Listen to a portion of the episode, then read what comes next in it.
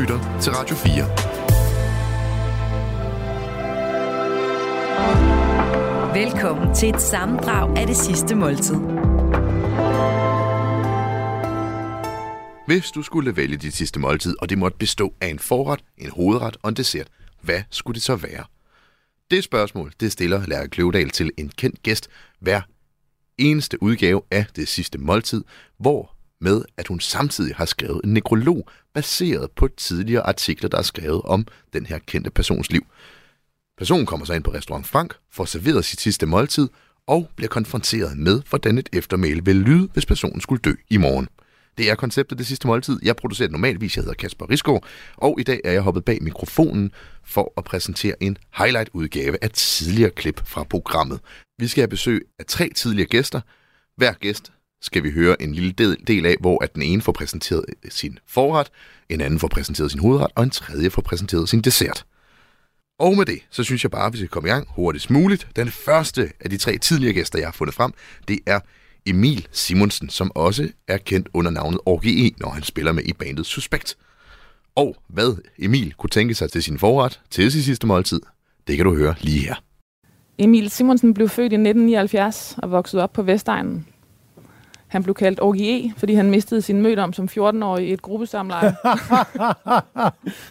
med en af sine venner og to veninder fra Galjebakken i Albertslund, hvor han voksede op.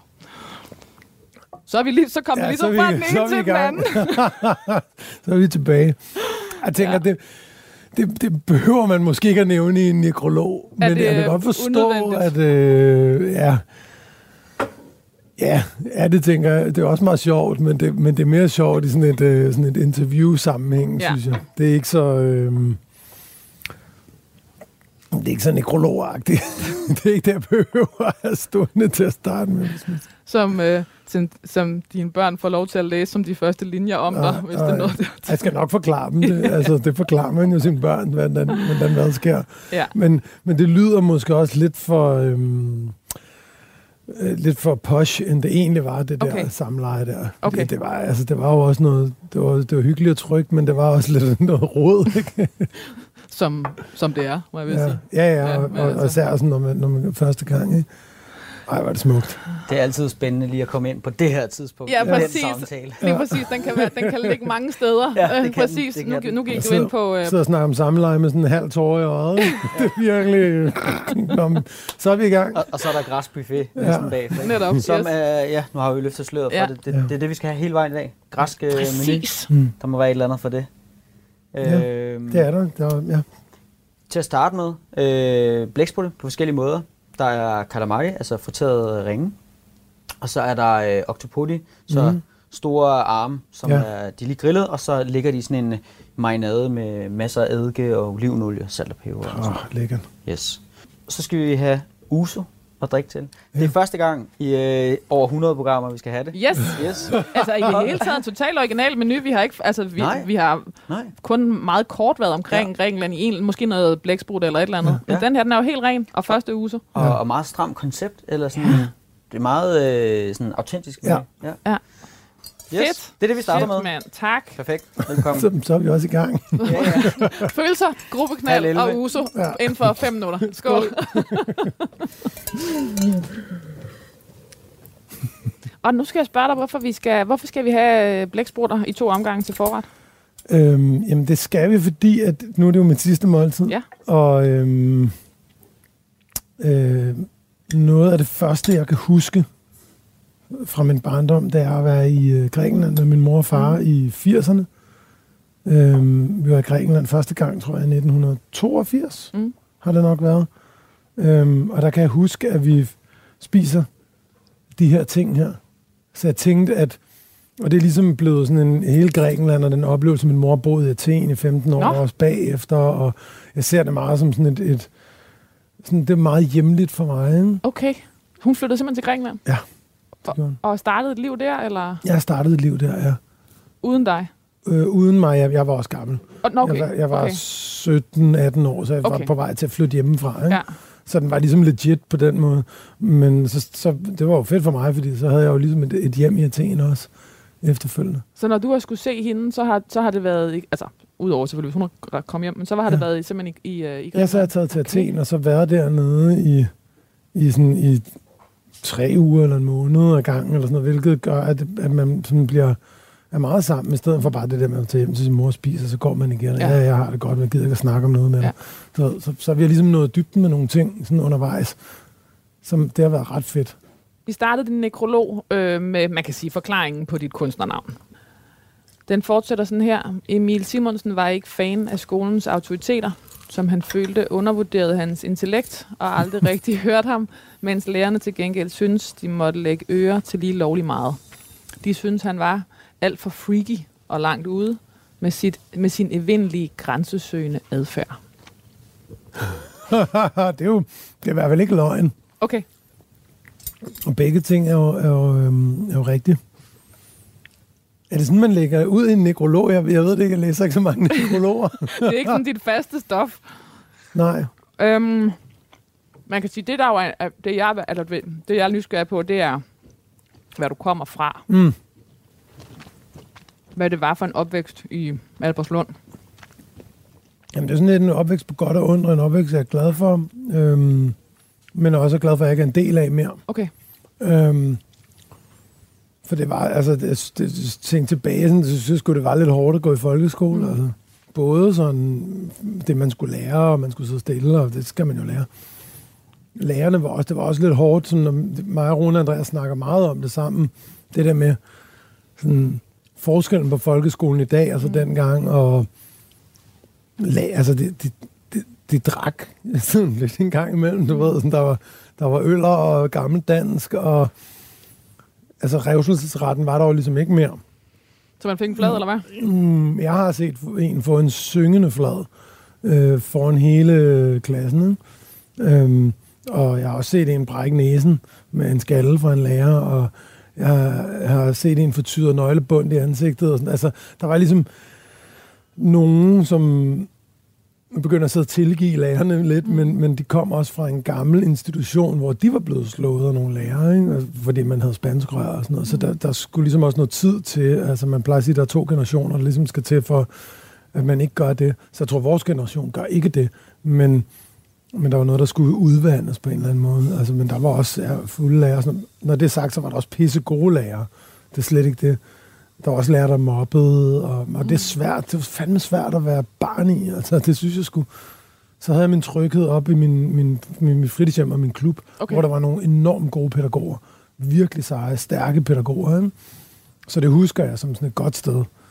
Hvad er det, når man, altså for mig, som ikke kommer fra Albertslund, men som mm. kommer fra Thy og Vestjylland, hvad, hvad er det, man skal forstå omkring Albertslund for at forstå øh, det miljø, som øh, både som I kommer fra, men som jo også er en stor del af jeres sådan, øh, ja. tekstunivers og jeres ja. Øh, identitet. Og, altså, øh, altså der, der er meget, altså, der er skrevet på Vestegnen ja. øh, i, i, din karriere. Ikke? Helt kort, så skal man forstå tiden. Ja. Altså opvækst i 80'erne og 90'erne. Man skal forstå, hvor det kommer af. Hvem, hvem, hvem er vores voksne? Mm. Og deres revolution, mange af dems revolution i, i 60'erne. Mm. Øh, og opgør med deres forældre øh, de sætter derude, og det starter noget helt nyt op, så skal man forstå øh, integration og, og flygtninge og, og multikulturel øh, måde at leve på, som jo virkelig fungerede rigtig godt der i 80'erne og 90'erne, synes jeg.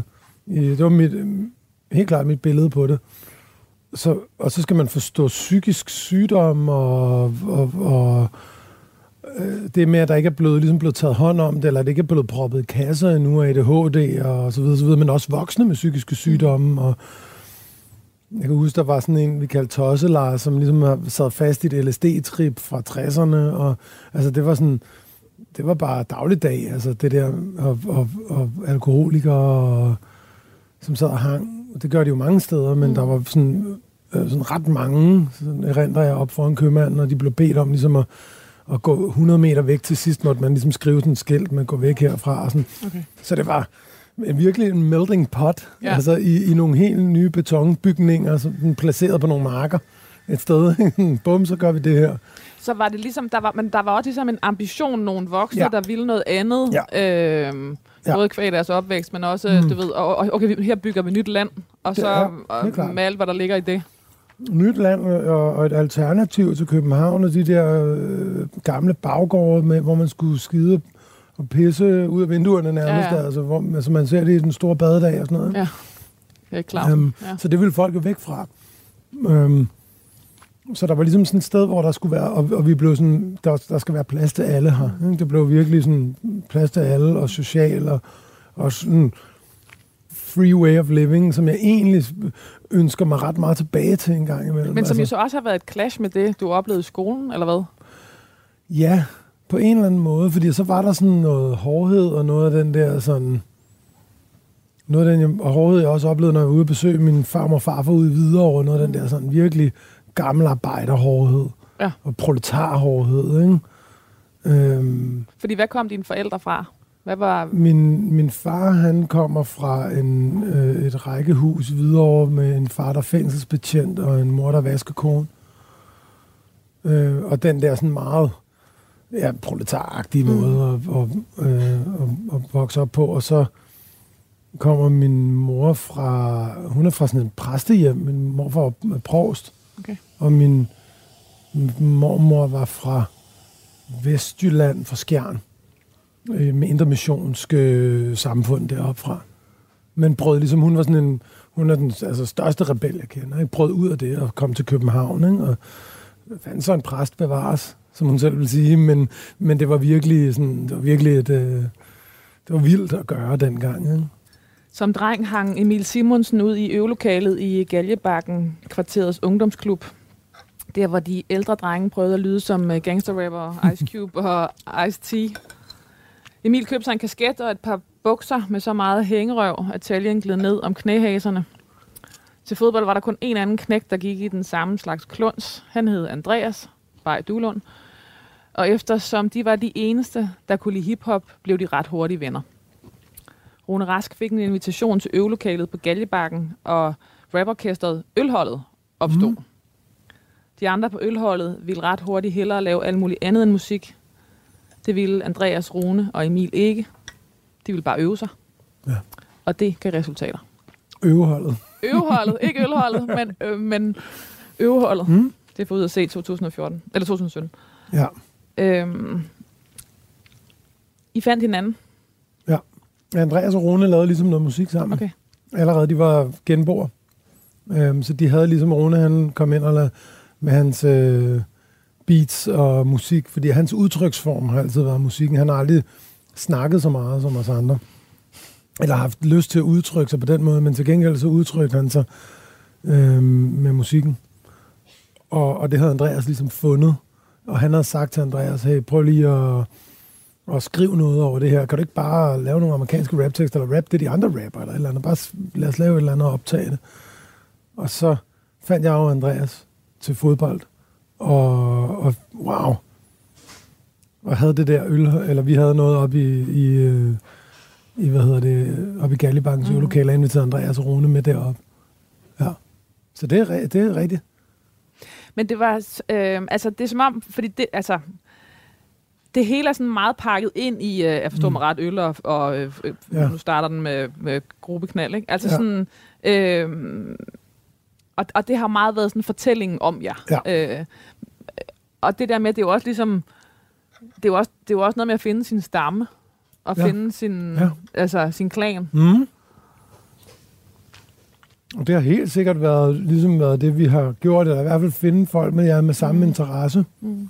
Øhm, og så var omdrejningspunktet, altså grunden til, at vi hed Ølhold, og det var fordi, øh, på et tidspunkt, at vi kom altid hjem hos Andreas, fordi der kunne vi være også og lave musik, og jeg tror, hans forældre synes, at det var meget fedt, at vi ligesom, så var vi der. Mm. Så var vi samlet, så rendte vi ikke rundt og lavede alt muligt andet.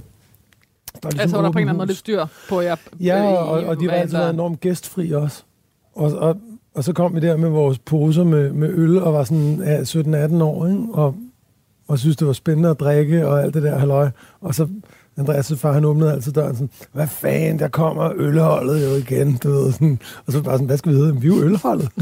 det var det, han siger. Den tager vi. Den er Ja, fin. vi fik altid sådan lidt, fordi det var sådan, åh, skal, altså, skal, vi, skal I nu, hvorfor skal I drikke så mange bajer agtigt ikke?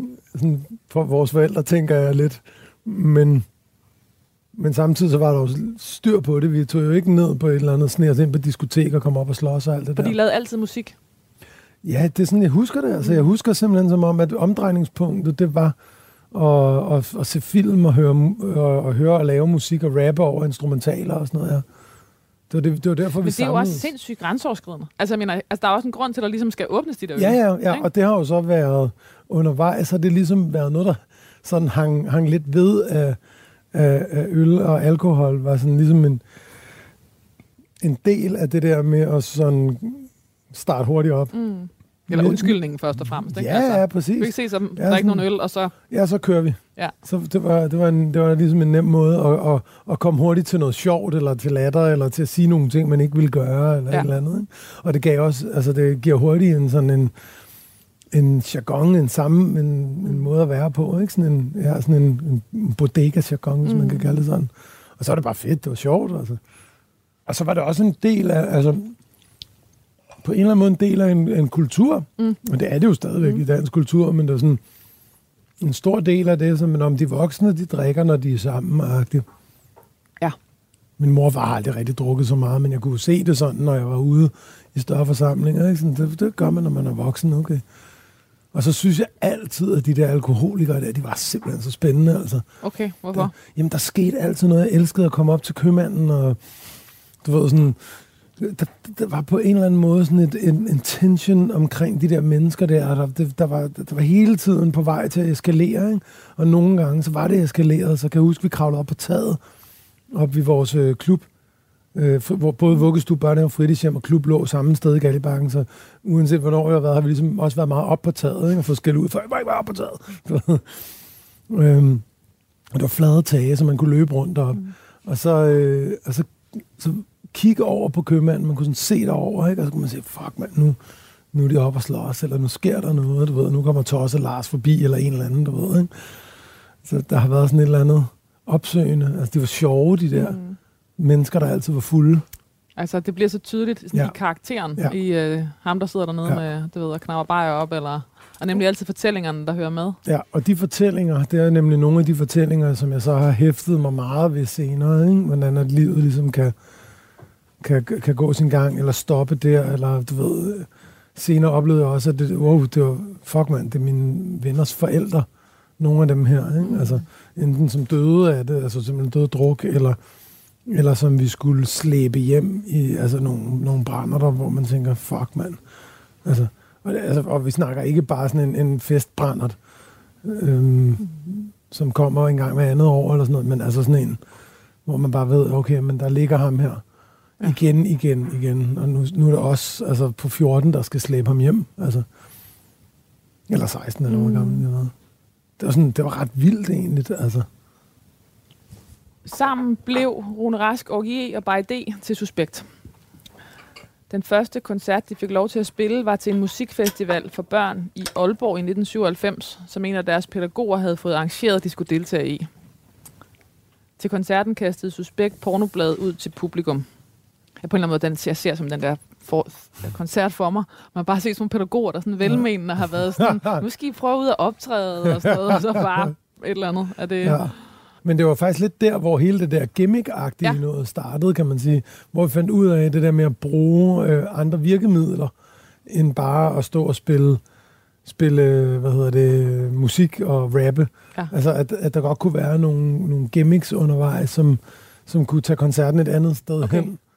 Hvor havde, hvor, hvor, hvordan fik I den, du ved, inspiration, eller hvor? Jeg tror, at det der med det, det var mm. i virkeligheden bare, at vi var i Aalborg og spille til sådan en, ja, sådan en, en ungdomsfesti- mm musikfestival der, og så, så var der sådan en eller anden pornoblads et eller andet, hvor at, at det kostede 3 kroner per pornoblad, og så tænkte vi, åh kæft mand, vi køber sgu da 50 pornoblad og kaster dem ud til folk, mand. Det, det bliver de der vilde med, hvis vi kommer der og deler pornoblad ud, det skal de da have. Og så havde vi sådan en sang, som vi kaldte pornosangen, som i virkeligheden er den sang, vi har lavet gentagende gange. Hvordan? Jamen, du ved, Kinkefætter har jo også Ja. pornosang, og vi joker altid med altså selv, at vi har sådan, Nå, men så kommer en ny plade, så har vi ølsangen, så har vi pornosangen, så har vi nedtursangen, så har vi slåssangen, så, altså, så det er jo nogle emner, som det kredser om, og bliver ved med at kredse om på en eller anden måde. Og i pornosangen, den, der kastede vi så mm. pornobladet ud til folk, og det virkede jo. Folk synes, det var griner. Ja, folk synes, at det var herre sjovt, ja. fordi pornobladet, det var sådan noget, man ikke rigtig... Altså, det var sådan noget, du virkelig skjulte og havde liggende inde under din, øh, din seng, eller det var før internet og alt muligt shit, så... Det er fordægte. Ja, det var det der... Altså, du var virkelig heldig, hvis du havde et pornoblad, ikke? Altså, så, og så delte du måske også lige ud af det, ikke? Eller bare lige, hey, tag lige den her side her, du ved. Du lytter til det sidste måltid på Radio 4. Det her, det var Emil Simonsen, også kendt som Orki E. Du kan finde klippet i sin fulde længde inde på radio4.dk, eller hvor end du nu engang lytter til podcast. Du skal bare søge på det sidste måltid. Og vi haster videre med næste gæst. Det er nemlig helt fantastiske Line Knudsen, som du også kan høre som vært på Notesbogen her på Radio 4. Hun har valgt en hovedret, og hvad den består af, det kan du høre lige. Den, den næste ret, anden servering, Ja. er øh, oste. Ja, det er bare dejligt. To øh, gule, hårde oste, Mm. og øh, en blå. Det er bare Så- lækkert. Ja. Fra venstre er det kom til, og så er det gruyère, Ja. og så er det måneskin blå ost. Og så er der lidt nødder med lidt honning og lidt... øh, lidt, Lidt Mhm. sødt. ja, fedt. Tusind tak. Fedt. Velkommen. Tak, tak. Altså, øh, det var hårdt presset, at du, jeg, du skulle, vi skulle lave en menu. Ja. Ja, altså. Det gik godt, Ja, ja, men det, det, nu er der Bevares. ost. Ja. men du, du kan godt lide ost. ja, jeg elsker ost. Jeg elsker ost. Så den, øh, den må gerne Ja, bo der, ja. som, en, øh, så, Ja. som en anden servering. Øh, ja, jeg, jeg nåede ligesom til et punkt, hvor jeg siger, jeg, jeg kan simpelthen ikke trække vejret på så lidt plads mere. Altså, jeg, jeg var faktisk øh, lige på vej ud over kanten, ikke? Øh, og, øh, øh, og så har jeg opsøgt hjælp noget terapi. Og noget rigtig god terapi. Og øh, inde i den her terapi, så er der to steder, du kan være i livet og leve dit liv. Mm. Du kan enten stå og leve hele dit liv i frygt, eller du kan stille dig i kærligheden. Vi kan også sige, der er mørket, og der er lyset. Mm. Og, øh, og øh, jeg kan se, hvor meget jeg har levet i frygt. Jeg har levet næsten hele mit liv i frygt. Det betyder ikke, at jeg har gået rundt med et langt angstanfald, og der har været masser af dejlige stunder og skønne tider og alt muligt. Men mit hus, Ja. det jeg går ind og ud af hver dag, Og været for- frygtsomt. har, har været frygt. Ja. Ikke? Så nogle gange giver frygten mig en pause på et par måneder og siger, alt er godt, vi har det stille og roligt, men uh, jeg I'm still here til at skræmme livet af dig i en eller anden form. Øhm, og, og, og så har jeg så også haft nogle helt lavpraktiske omstændigheder, der har gjort, at jeg er blevet endt i meget frygt. Altså sådan nogle helt åndssvage ting som penge og alt sådan noget, der har plaget livet af mig. Men, men øh, øh, jeg har ligesom forstået, at, at der er et andet valg. Og, øh, og, og det er faktisk øh, det der med, at så kan vi igen, fordi kærligheden, ikke? det er også sådan et ord, det er så, så vredet rundt som en gammel karklud, ikke? men det har fået en ny betydning for mig. Okay. Og øh, fordi, øh, fordi ordet kærlighed har også alle mulige, så straks kommer folk til at tænke på noget mellem kvinder og mænd, eller det er noget med parforhold, eller øh, noget med børn. Og, mm. men, men det er meget sjældent kærligheden, bare kærligheden. At, at være i kærlighed. Og øh, at, at, øh, at, at mennesker er kærlige, men mennesker er som udgangspunkt kærlige. Du har aldrig nogensinde set et ukærligt barn. Et barn, og ja, det er beviset for mig, at børn mellem 0 og 3 er kærlighed. Og de er kun kærlighed. Selvom også de skæver sig og bliver sure og alt muligt, men de er kærlighed. Mm. Det er det, vi starter med at være. Og så sker der et eller andet, så ryger vi over i frygt, og, og så sker der alt muligt. Ikke? Mm. Øhm, og, øhm, og, og jeg, jeg, øh, og det sjove er, at jeg faktisk har altid sagt det, uden selv at være klar over, hvad det egentlig betyder. Jeg har altid sagt, at, om, når jeg skriver karakterer, at øh, det vigtigt for mig er øh, øh, at identificere barnet inde i alle. Og det er vigtigt at have et barn inde i sig selv, og sådan, så har jeg udviklet sådan et system, som er så hjemmelavet og ubrugeligt for alle andre end mig selv, men at jeg ligesom altid, hvis jeg møder nogle mennesker, så tænker jeg på, hvor gamle de er inderst inde. Øh, sådan som om, jeg kan se barnet inde i, i jeg kan se barnet inde i, i nogen. Og, og øh, så også når, så når jeg skriver karakterer, så har jeg også altid sådan en fornemmelse af, at han er fire år, eller han er syv år, eller han er 11 år, eller øh, bær, hvad man bærer. Og det er, det er faktisk altid kun noget positivt. Øh, og det er noget godt at bære et barn ind i sig. Øh, men det kan være... Øh, men jeg, jeg øh, og det siger jeg bare fordi, at, at øh, hvorfor siger det? Det var fordi, at børn er kærlige, Mm. og de vil kærligheden, og de vil øh, kærligheden til sig selv, og de vil kærligheden til andre omkring sig. Og, øh, og på, ja, Og hvordan har du ligesom, altså, hvordan har du lavet den oversættelse? Fordi jeg, jeg, jeg kan jo sagtens forstå begreberne, mm. men en ting er ligesom, øh, fordi det er jo åbenlyst rarere at stå mm. Mm. i øh, kærligheden, der er at Mm. stå i frygt. ja, Øh, men hvordan har du ligesom, øh, øh, beklager udtrykket, men sådan integreret det? ja. Øh, det har jeg ved at øh, beskæftige mig rigtig meget med det. Og kigge på det hver gang, eller hvad? Jamen, jeg, jeg, altså alt, hvad jeg læser og ser og hører og opsøger, øh, handler om det her. Altså, jeg bliver nødt til at fodre mig selv med, med det. Øh, det. Det er en metode. Øh, så øh, øh, forsøger jeg selv at praktisere det.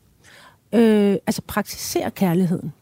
Og det er og det er jo ikke sådan at gå rundt og nødvendigvis give kæmpe krammer og hele tiden øh, overfalde folk med kærlighed, som vi forstår det. Jeg kan simpelthen så godt lide det. Jeg ser mig sådan, der ikke er et godt ord for det på, på dansk.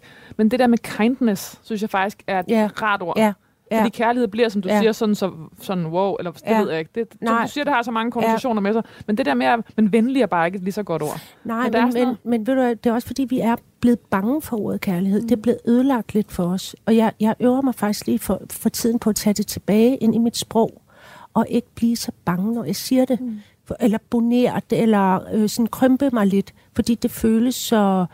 Øh, altså man bliver Det sådan bliver lidt sådan lidt nærmest et banner, eller ja, sådan en parole. men, men, eller... men ja, det, det kan jeg godt forstå. Ja. Men øh, Ikke når du siger... Altså, nej, det er ikke, nej, nej, men det er helt, Ja, helt fint. Men, men det er også godt nok at lige snakke om det, fordi øh, det kan jo, der, det, det lyder, ordet kærlighed har, har er blevet pulet i røven, havde jeg sagt. Altså sådan, så det er blevet til en kliché. Ikke? Og vi kan næsten ikke engang forstå betydningen af det, af det mere. Men kærlighed er jo i virkeligheden øh, at kunne stå bare i roen. Roen. Og, og øhm, øhm, øh, at være kærlig over for for eksempel alle de følelser, man får. Ikke? Så bliver jeg ked af det, så bliver jeg ensom, så bliver jeg vred. Og, men være kærlig omkring det. Ikke? Og, og, øh, og så... Øh, øh, jeg har så mange, der er så meget, jeg har misforstået. Altså sådan... Øh, altså, jeg, jeg har for eksempel været sådan meget øh, overdrevet hjælpende mor, ikke? Sådan en ting. Jeg vil gerne hjælpe, for jeg er god. Jeg er så god. Ikke? For jeg hjælper mine børn. Jeg hjælper hele tiden. Men nogle gange, så ved du, så er der sådan en tipping point, hvor du faktisk øh, tager livet ud af dem. Er bare din, din hjælp. Ikke? Mm. Øh, og jeg har sådan, det har sådan været sådan, Ej, jeg skal bare hjælpe mine børn så meget. De skal aldrig stå alene med noget, fordi øh, min generation, vi stod lidt tidligt alene med en masse ting. Ja. Ikke? Så jeg havde sådan, det skal bare aldrig ske for mine børn. Og det, der bare kan ske, når man er så ivrig efter og det al- at hele sig selv, mm. det er, at man tager kræfterne ud af sine egne børn, musklerne ud af dem, fordi man gør det for dem. Ikke? Og, øh, og, og mm, for mig var det jo noget, det der med, du må ikke lade dem være alene, du må ikke efterlade dem, men det er også på en måde ukærligt ikke at tro på dem, mm. hvor meget de kan. Øh, og, og, øh, øh, og, der, og der er et eller andet, synes jeg så, i det hele taget generelt i tiden med, at øh, vi tror meget lidt på hinanden, hvad, hvor meget vi egentlig kan. Øh, og, og derfor er der, og, og vi, vi, der er jo utrolig mange, der har det utroligt dårligt. Altså sådan, bare mistrives. Mm. Folk er ikke glade, mm. og, og unge er ikke glade, og hvad, hvad er det, der sker? Og, øhm, øh, og jeg tror, at det er fordi, ja, altså nu ved jeg godt, det lyder lidt sindssygt, når jeg siger, men jeg tror virkelig, vi lever meget i mørket. Mm. Og der er alle mulige teaterstykker inde i mørket, der viser, kom herover for hjælp, jeg kan hjælpe dig, og her har vi det sjovt, og sådan noget. Men det er stadig inde i mørket. Mm. Vi kan bare sætte nogle lamper op og sådan noget, så ligner det, at det er, at der er, at det er dagslys. Men det er ikke dagslys. Det er stadig i mørket. Fra din Knudsen var 16 til 23, var hun lidt pædagogmedhjælper, lidt bartender, lidt mm. på højskole, og frekventerede også en HF-klasse. Hun drev med egne ord, Ja. ja. retningsløs rundt. Øh, uden planer og drømme, men var bare en dag ad gangen. Ja. Nu får jeg så lyst til at spørge dig, om du så, når du tænker på det i dag, var det retningsløst? Var det retningsløst? Ja, det kan man godt sige, det var. Jeg, jeg var meget... Øh, Her Ja. ja. giver den stadig mening. hvad? Her giver den stadig mening ja, ja, retningsløst. ja. Jeg vidste, jeg havde simpelthen ikke, øh, altså, der, der var, der, jeg anede simpelthen ikke, hvad, hvad der skulle ske med mig. Øh, ja, det var, ja, ja, det var ikke nogle fede år. Altså, det, det, det, det var ikke fedt. Så står der her, øh, øh, hun, hun bare var en dag ad gangen. Mm. Og igen, det kan jo også stå som sådan noget lidt overstakkels lignende. Ja, det, det kan det jo ja, nemlig, Ja. ja. men det kunne også Men være det noget også- fedt. Ikke? Præcis. Det gik bare rundt Ja. og var. Men så blev hun forelsket og fik et barn, og på nogenlunde samme tid blev hun optaget på det danske teaters dramatikerværksted. Barnet, øh, siden, øh, sidenhen fire børn i alt, og manden, sidenhen to i alt, satte en vis struktur på livet, og dramatikerværkstedet satte struktur på skriverierne.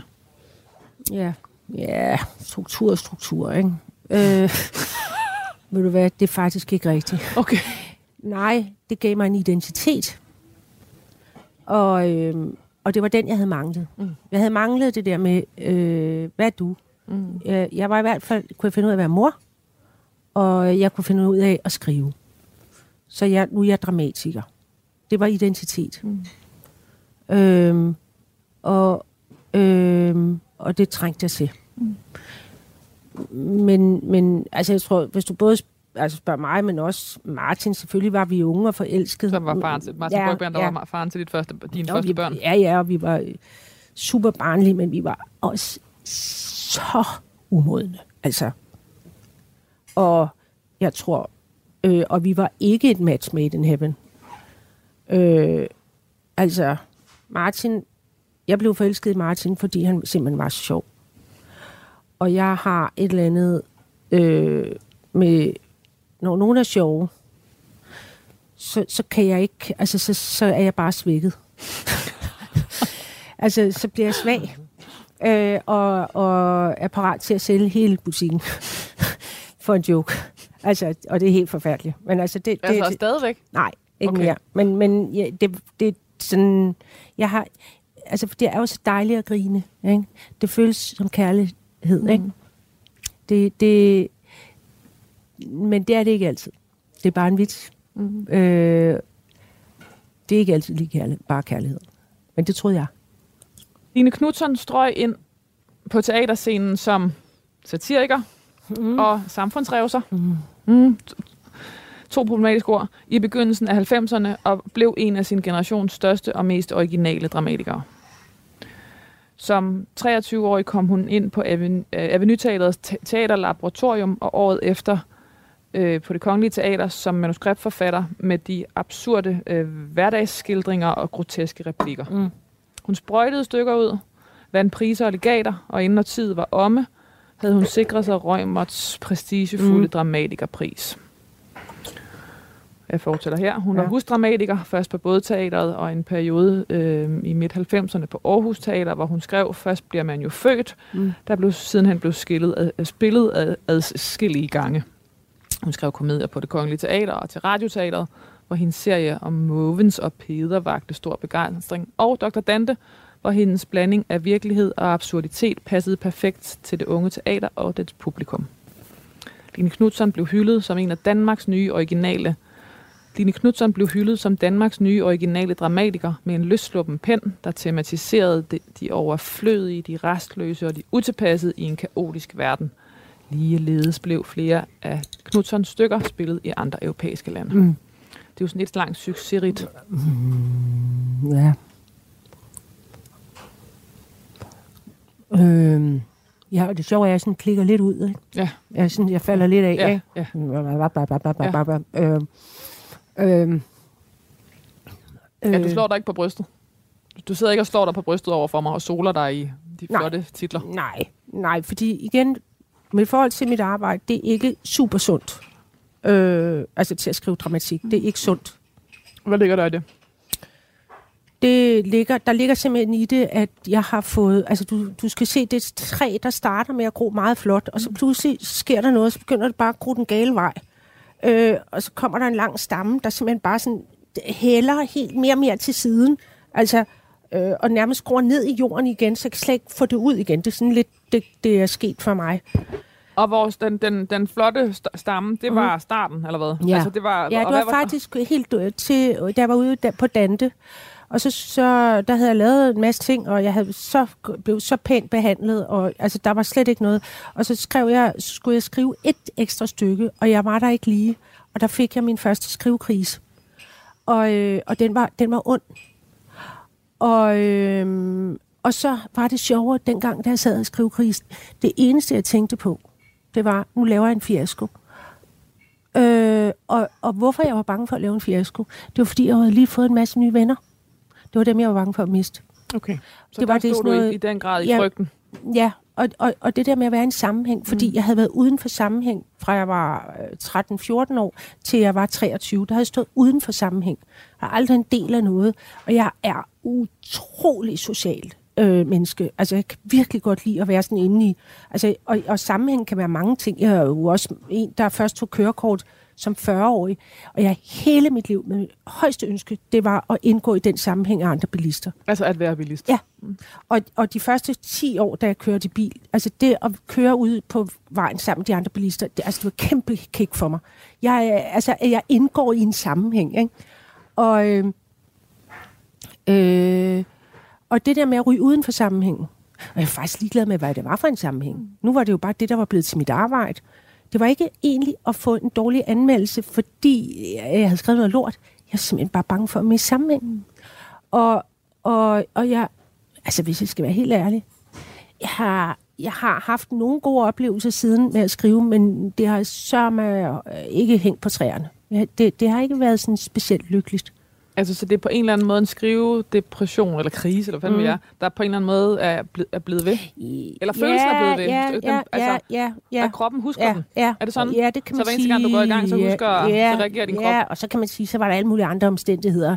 Lavpraktisk karakter, børn og alene, og altså der var... Der, Men en præst, der var for, forkert. ja, det var for meget. Ja, Ja. ja. super for meget. Du lytter til det sidste måltid på Radio 4. Således lød det, da Line Knudsen var gæst i det sidste måltid og fik en smule af det. Det var altså ikke det hele måltid. Hvis du gerne vil høre, hvordan hele programmet lød, så gå ind på radio4.dk eller søg på det sidste måltid, hvor du lytter til podcast. Og hvis man nu ikke kan få nok af Line Knudsen, så er det kun anbefalet at gå ind og finde Notesbogen, som programmet hedder. Hun også sender her på Radio 4, hvor at hun sammen med Kasper Kolding og Torben Sangil har lavet en masse interessante programmer. Med det, så haster vi også videre til den sidste gæst i dag. Det er Emma Holten. Og vi kommer ind i programmet en lille smule før, at hun får sin dessert. Hvordan det lyder, det kan du høre her. Fundet af feminismen blev for Emma Holten den redningskrans, hun havde brug for. Hun havde haft brug for siden krænkelsen. Feministen, feminismen var en måde at gøre hendes egen oplevelse større end sig selv. Hun tilegnede sig al den viden, hun kunne opstøve om fænomenet, fulgte al international lovgivning på området og læste side op og side ned af forskning, feministisk analyse og empiri. Emma Holten blev ekspert på området. Hun var ikke længere bare et offer. I 2014 publicerede Emma Holten øh, i samarbejde med fotografen Cecilie Bøtger 10 mm. billeder af sig selv i det feministiske tidsskrift øh, Friktion, som hun halvandet år forinden havde været med til at stifte. Overskriften var Samtykke, en ny historie om min krop. På billederne børste hun tænder eller læste en bog, og så var hun topløs, ganske ligesom hun havde været det på de billeder, der tre år forinden var blevet offentliggjort uden hendes samtykke. Med billedserien ville hun tage rettigheden over sin krop tilbage. Hun ville befri sig selv fra den skam, der havde været hendes følgesvend siden delingen. Det er helt rigtigt. Det er en god beskrivelse. Kristelig Dagblad 2021. Tak for det, Christian Dagblad. Emma Holten og Cecilie Bøtger regnede med, at det måske ville skabe noget debat i feministmiljøet. Men dagen inden de udgav øh, projektet, Sindssygt lækkert. kom der et omfattende iCloud-leak, hvor flere kendte mennesker øh, fik delt deres private billeder, og pludselig blev Holtens lille, står her, aktivisme nyhedsrelevant. Ja. Hun blev kimet ned af journalister, der ville, fortælle, der ville fortælle hendes historie, og billederne gik verden rundt. Hun sagde nej til de fleste interviews. Hun følte, hun havde sagt det, hun gerne ville sige med samtykkeprojektet. Og så står der her, og det er nemlig fra 16. Øhm, hun ville ikke blive kendt som hævnporno Emma. Det løb bare ligesom kørt, tror jeg. det tænkte jeg ikke dengang. Der tænkte jeg stadig, at jeg skulle, leve et helt normalt liv. Jeg fortsætter lige her. Øh, øh, men ja. da Ja. det britiske The Guardian kontaktede hende, rejste hun til London og lavede sammen med avisen videoen This is what I did about it. Og siden spredte samtykkeprojektet sig massivt. Det blev oversat til 10 forskellige sprog. Selv i Kina hørte det om den danske feminist. Og Emma Holten gik fra at gemme sig til at få en stemme, som hele verden lyttede til. Og så står der her, det var overvældende og surrealistisk, at tusinder og atter tusinder nu kendte hendes historie. Ja. jeg, jeg kan simpelthen ikke overskue om, altså, øh, fordi på den ene side, så er der jo det, at, at, at, at, at historien ligesom bare bliver større, eller forstår mig ret, altså den fortsætter bare, som Ja. på den ene side er, øh, yes, målet, genialt, og på den anden side, så er det fucking bare mere det samme. ja Eller hvad? Altså, men det er bare sådan, når jeg hører det der, så kan jeg næsten ikke forstå, at det er mig, det handler om. For at være helt ærlig. Men det, altså, alt det der er jo sket. Det er jo 100% sket. Men, sådan, men det er bare... Altså, jeg tror, man, tror, man tænker ligesom, at når der sker noget stort omkring personen, så bliver de selv større. Ja. Men jeg forbliver jo den samme størrelse. Ja. Er der bliver, bare, der ja. bliver bare større omkring mig. Ja. Jeg er selv stadig lille. Ja. Øhm, og, og, jeg, og alle de der ting, og sådan, altså... Jeg, jeg synes jo stadig det samme, som jeg altid har synes. Ja. Og som du siger, du har den samme størrelse. Ja, Du- præcis. Og jeg er stadig bare 1,68 og bor i København og prøver at finde sød kæreste og sådan noget. Altså sådan, øhm, men jeg føler, men jeg bliver også stolt af det, fordi jeg føler faktisk, at jeg sagde noget, der var vigtigt. Mm. Og det, det der var, det var på det her tidspunkt, der havde der meget få digitale krænkelsesoffere havde udtalt sig offentligt. Næsten ingen. De eneste, jeg havde kunne finde, det var ligesom kvinder, som sad i amerikanske talkshows og sagde, jeg var så dum, jeg tog dine øjenbilleder, det skal jeg aldrig nogensinde gøre igen. Øh, Jeg er et meget bedre menneske nu. Øhm, alt sådan noget der. Og jeg havde ligesom et meget stort behov for at sige sådan, jamen, jeg fortryder ikke det, jeg har gjort. Jonas, Der sker noget skønt nu. der er sker noget Jeg er lige i gang skønt. med at fylde hele paletten Helt her. præcis. Du, Ja. Hele sortimentet får en øh, opfølgning. Okay, Præcis. Jamen, endnu en klassiker til, til dessert. det er ligesom næsten ligesom lasagne, bare på, bare Det på den søde. Jeg kan lide lag. Jeg kan kan lide mad i lag. Du er, det, det er ikke bare det røde. Nu er, Nej. du videre, nu, er det- nu er det med i lag. Et lag. Og Der er, sådan en, øh, der er sådan en anden sammenhæng mellem de to ting. Ja. Mm. Det er, det er bedst, hvis man laver det dagen før. Se nu det. det skal stå Den lidt. ene skal stå, og den anden bliver bare bedre. Ja. Fordi hvad skal vi have? Tiramisu. Yeah. Træk mig op. Ja, ja præcis. præcis. Pick me up. Øhm, tiramisu, helt klassisk. Mm. Øhm, til at drikke ved siden af. Iskold limoncello. Vel også ret klassisk, hvis man er i Italien. Øh, og så en, øh, en amaretto Gud, på is grineren. ved siden af. den havde jeg fuldstændig, Ja. okay, Mhm. du kan gå, Ja. altså, prøv lige at se glasmængden Altså, her. det, men det, er Emma, fordi, at, det er fordi, at amarettoen er faktisk formelt set en digestivo. Ah, Altså, limoncelloen er til desserten, amarettoen er vores digestivo. sådan, så den her, og så skal du, skal du have den med en kop Det, kaffe det er til fordøjelsen. Jeg drikker ikke kaffe. Du drikker nu, måske også på, På grund af, grund af maven. maven. Ja, Ja. præcis. Men øh, Så, så, så kender vi rækkefølgen. Lille, selvom der er en lille smule Der- det er espresso helt- det er øh, i simpelthen-? Ja, Det- yes. Og kan jeg sagtens også, holde til. øh, Et, et stænk amaretto i. Ikke så meget. Skønt. Men, øh, Så du har puttet uh, the digestive ind i tiramisuen? ja, nogen gør det med masala, og nogen gør det med, med øh, hvad hedder det, amaretto, og det er sådan, nogen gør det bare med ren espresso, det er sådan lidt forskelligt. Ja. den ser så flot ud. Øhm, det gør jeg. Og det er jo så også den, altså, den dessert, hvor man, hvor man altid ved, at man Ja. er væltet ind i... Uh, Ja, altså, det er- men det er jo en del af det. fuldstændig, at man sidder Så, med, med, øh. med chokolade øh, støvet på tænder og næsen. Og, Hvis der er tiramisu på en restaurant, så bestiller jeg det. Ja, så er det din ven. Altid.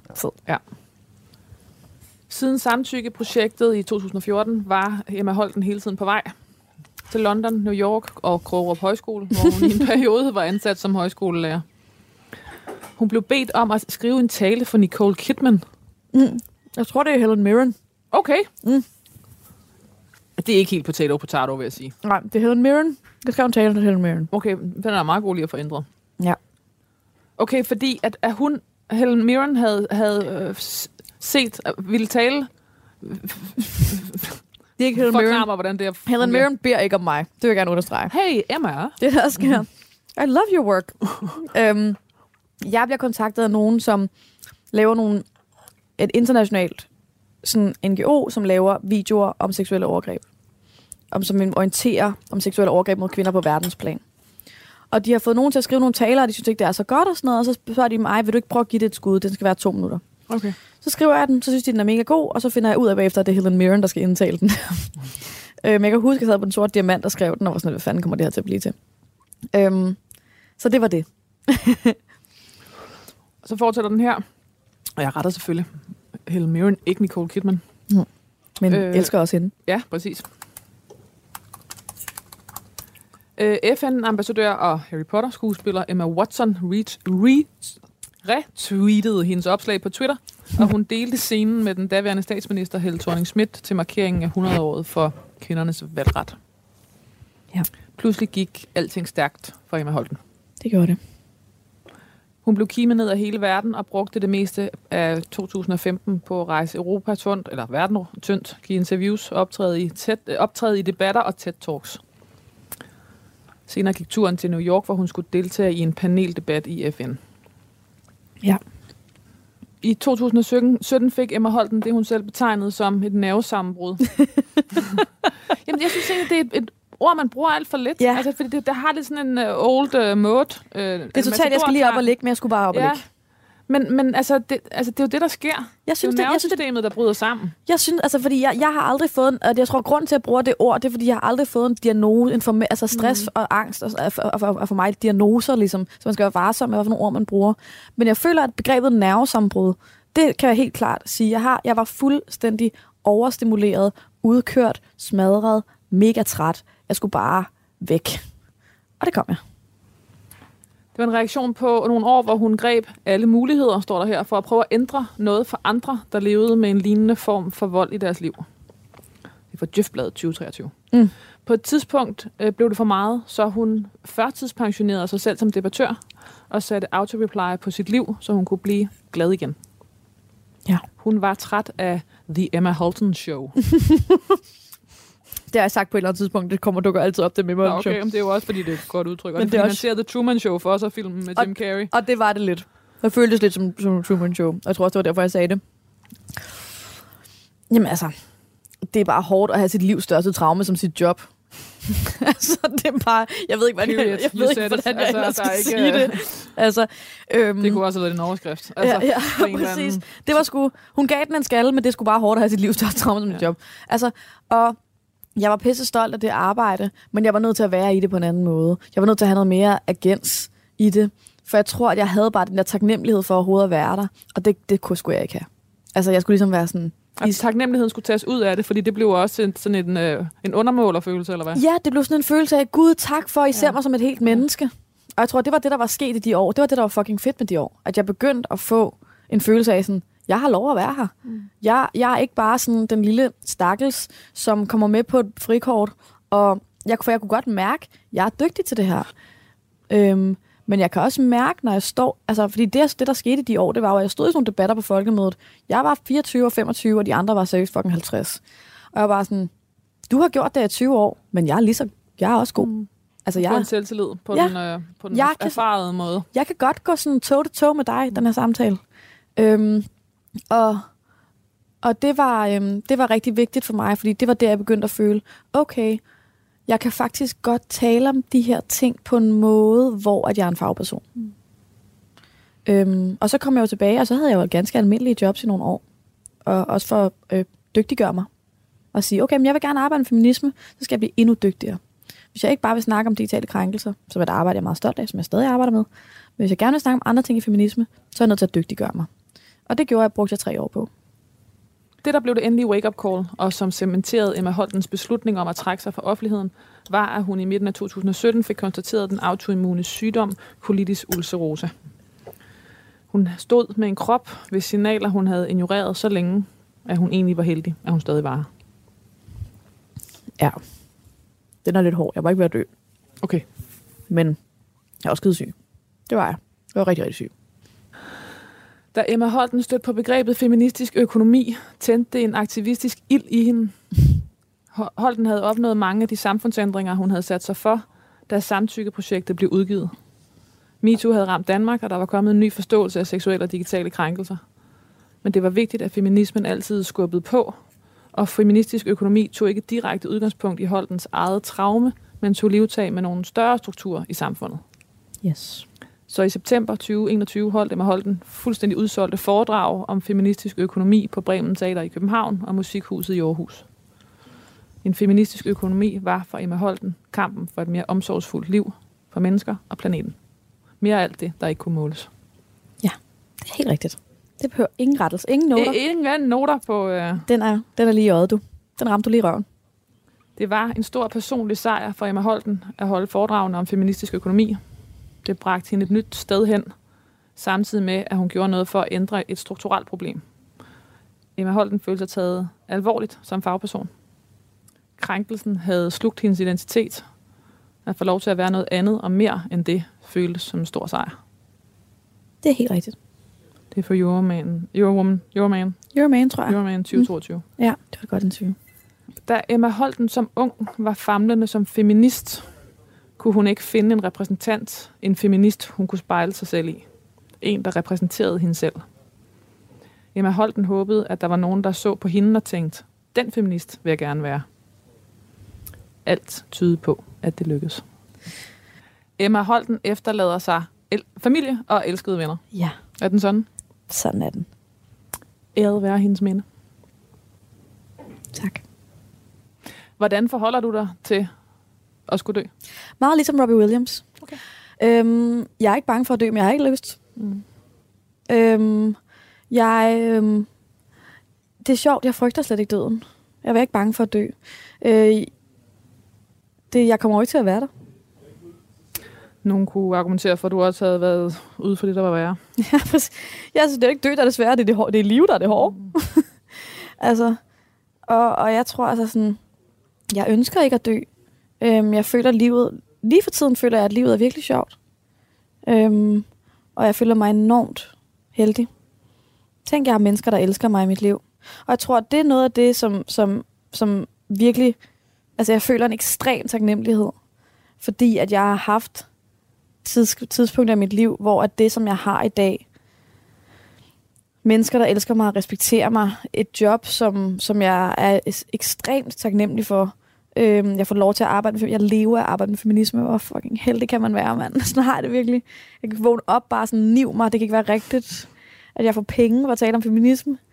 Og øhm, søde mennesker omkring mig, øhm, sover godt om natten, er, en sygdom i remission.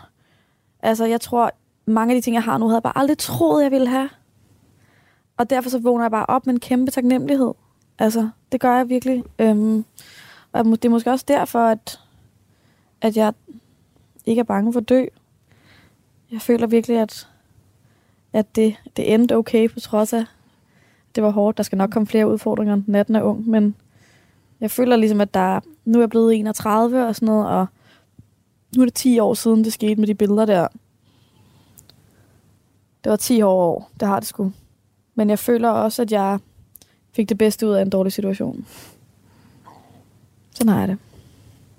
Emma Holten, hvad skal der stå på din gravsten?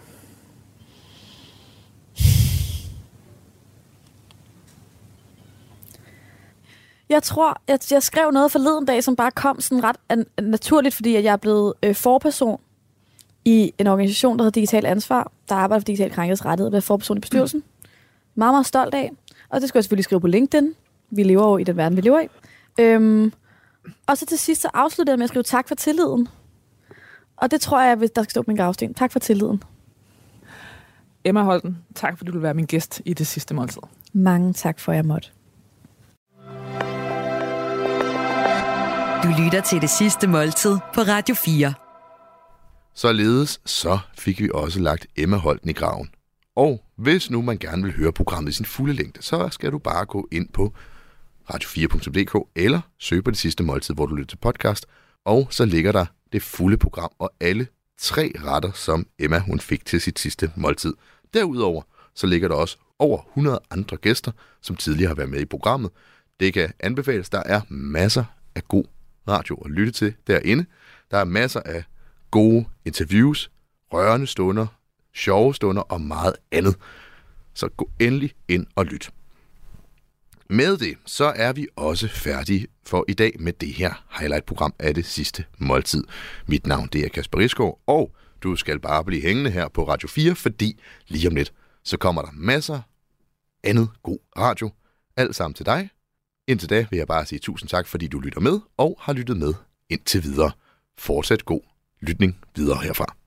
Du har fået til job at synge kor for ABBA. Jamen, jeg var ikke simpelthen ikke klar over, hvor sindssygt det egentlig var. Det var jeg jo ikke. Jeg var jo bare ni år og glad i låget. Musik er en hurtig genvej ind bag facaden. Jeg følte jo, at alle de sange var til mig. Ind bag den offentlige person. Jeg kiggede ind i et mørke. Det er jo der, jeg skal hen. Det er jo der, alt trøst er. I Portrætalbum bruger Anders Bøtter musikken til at vise nye sider af sine gæster. Carmen Køllers uh, Axel Byvang, har han en playliste? Jeg ved ikke, om jeg tør sige det. Det er så pinligt. Blandt andet Backstreet Boys. Lyt til Portrætalbum i Radio 4's app, eller der, hvor du lytter til podcast. Radio 4. Hold kæft, mand. Det tror Ulla Terkelsen ikke, det der. Ikke så forudsigeligt.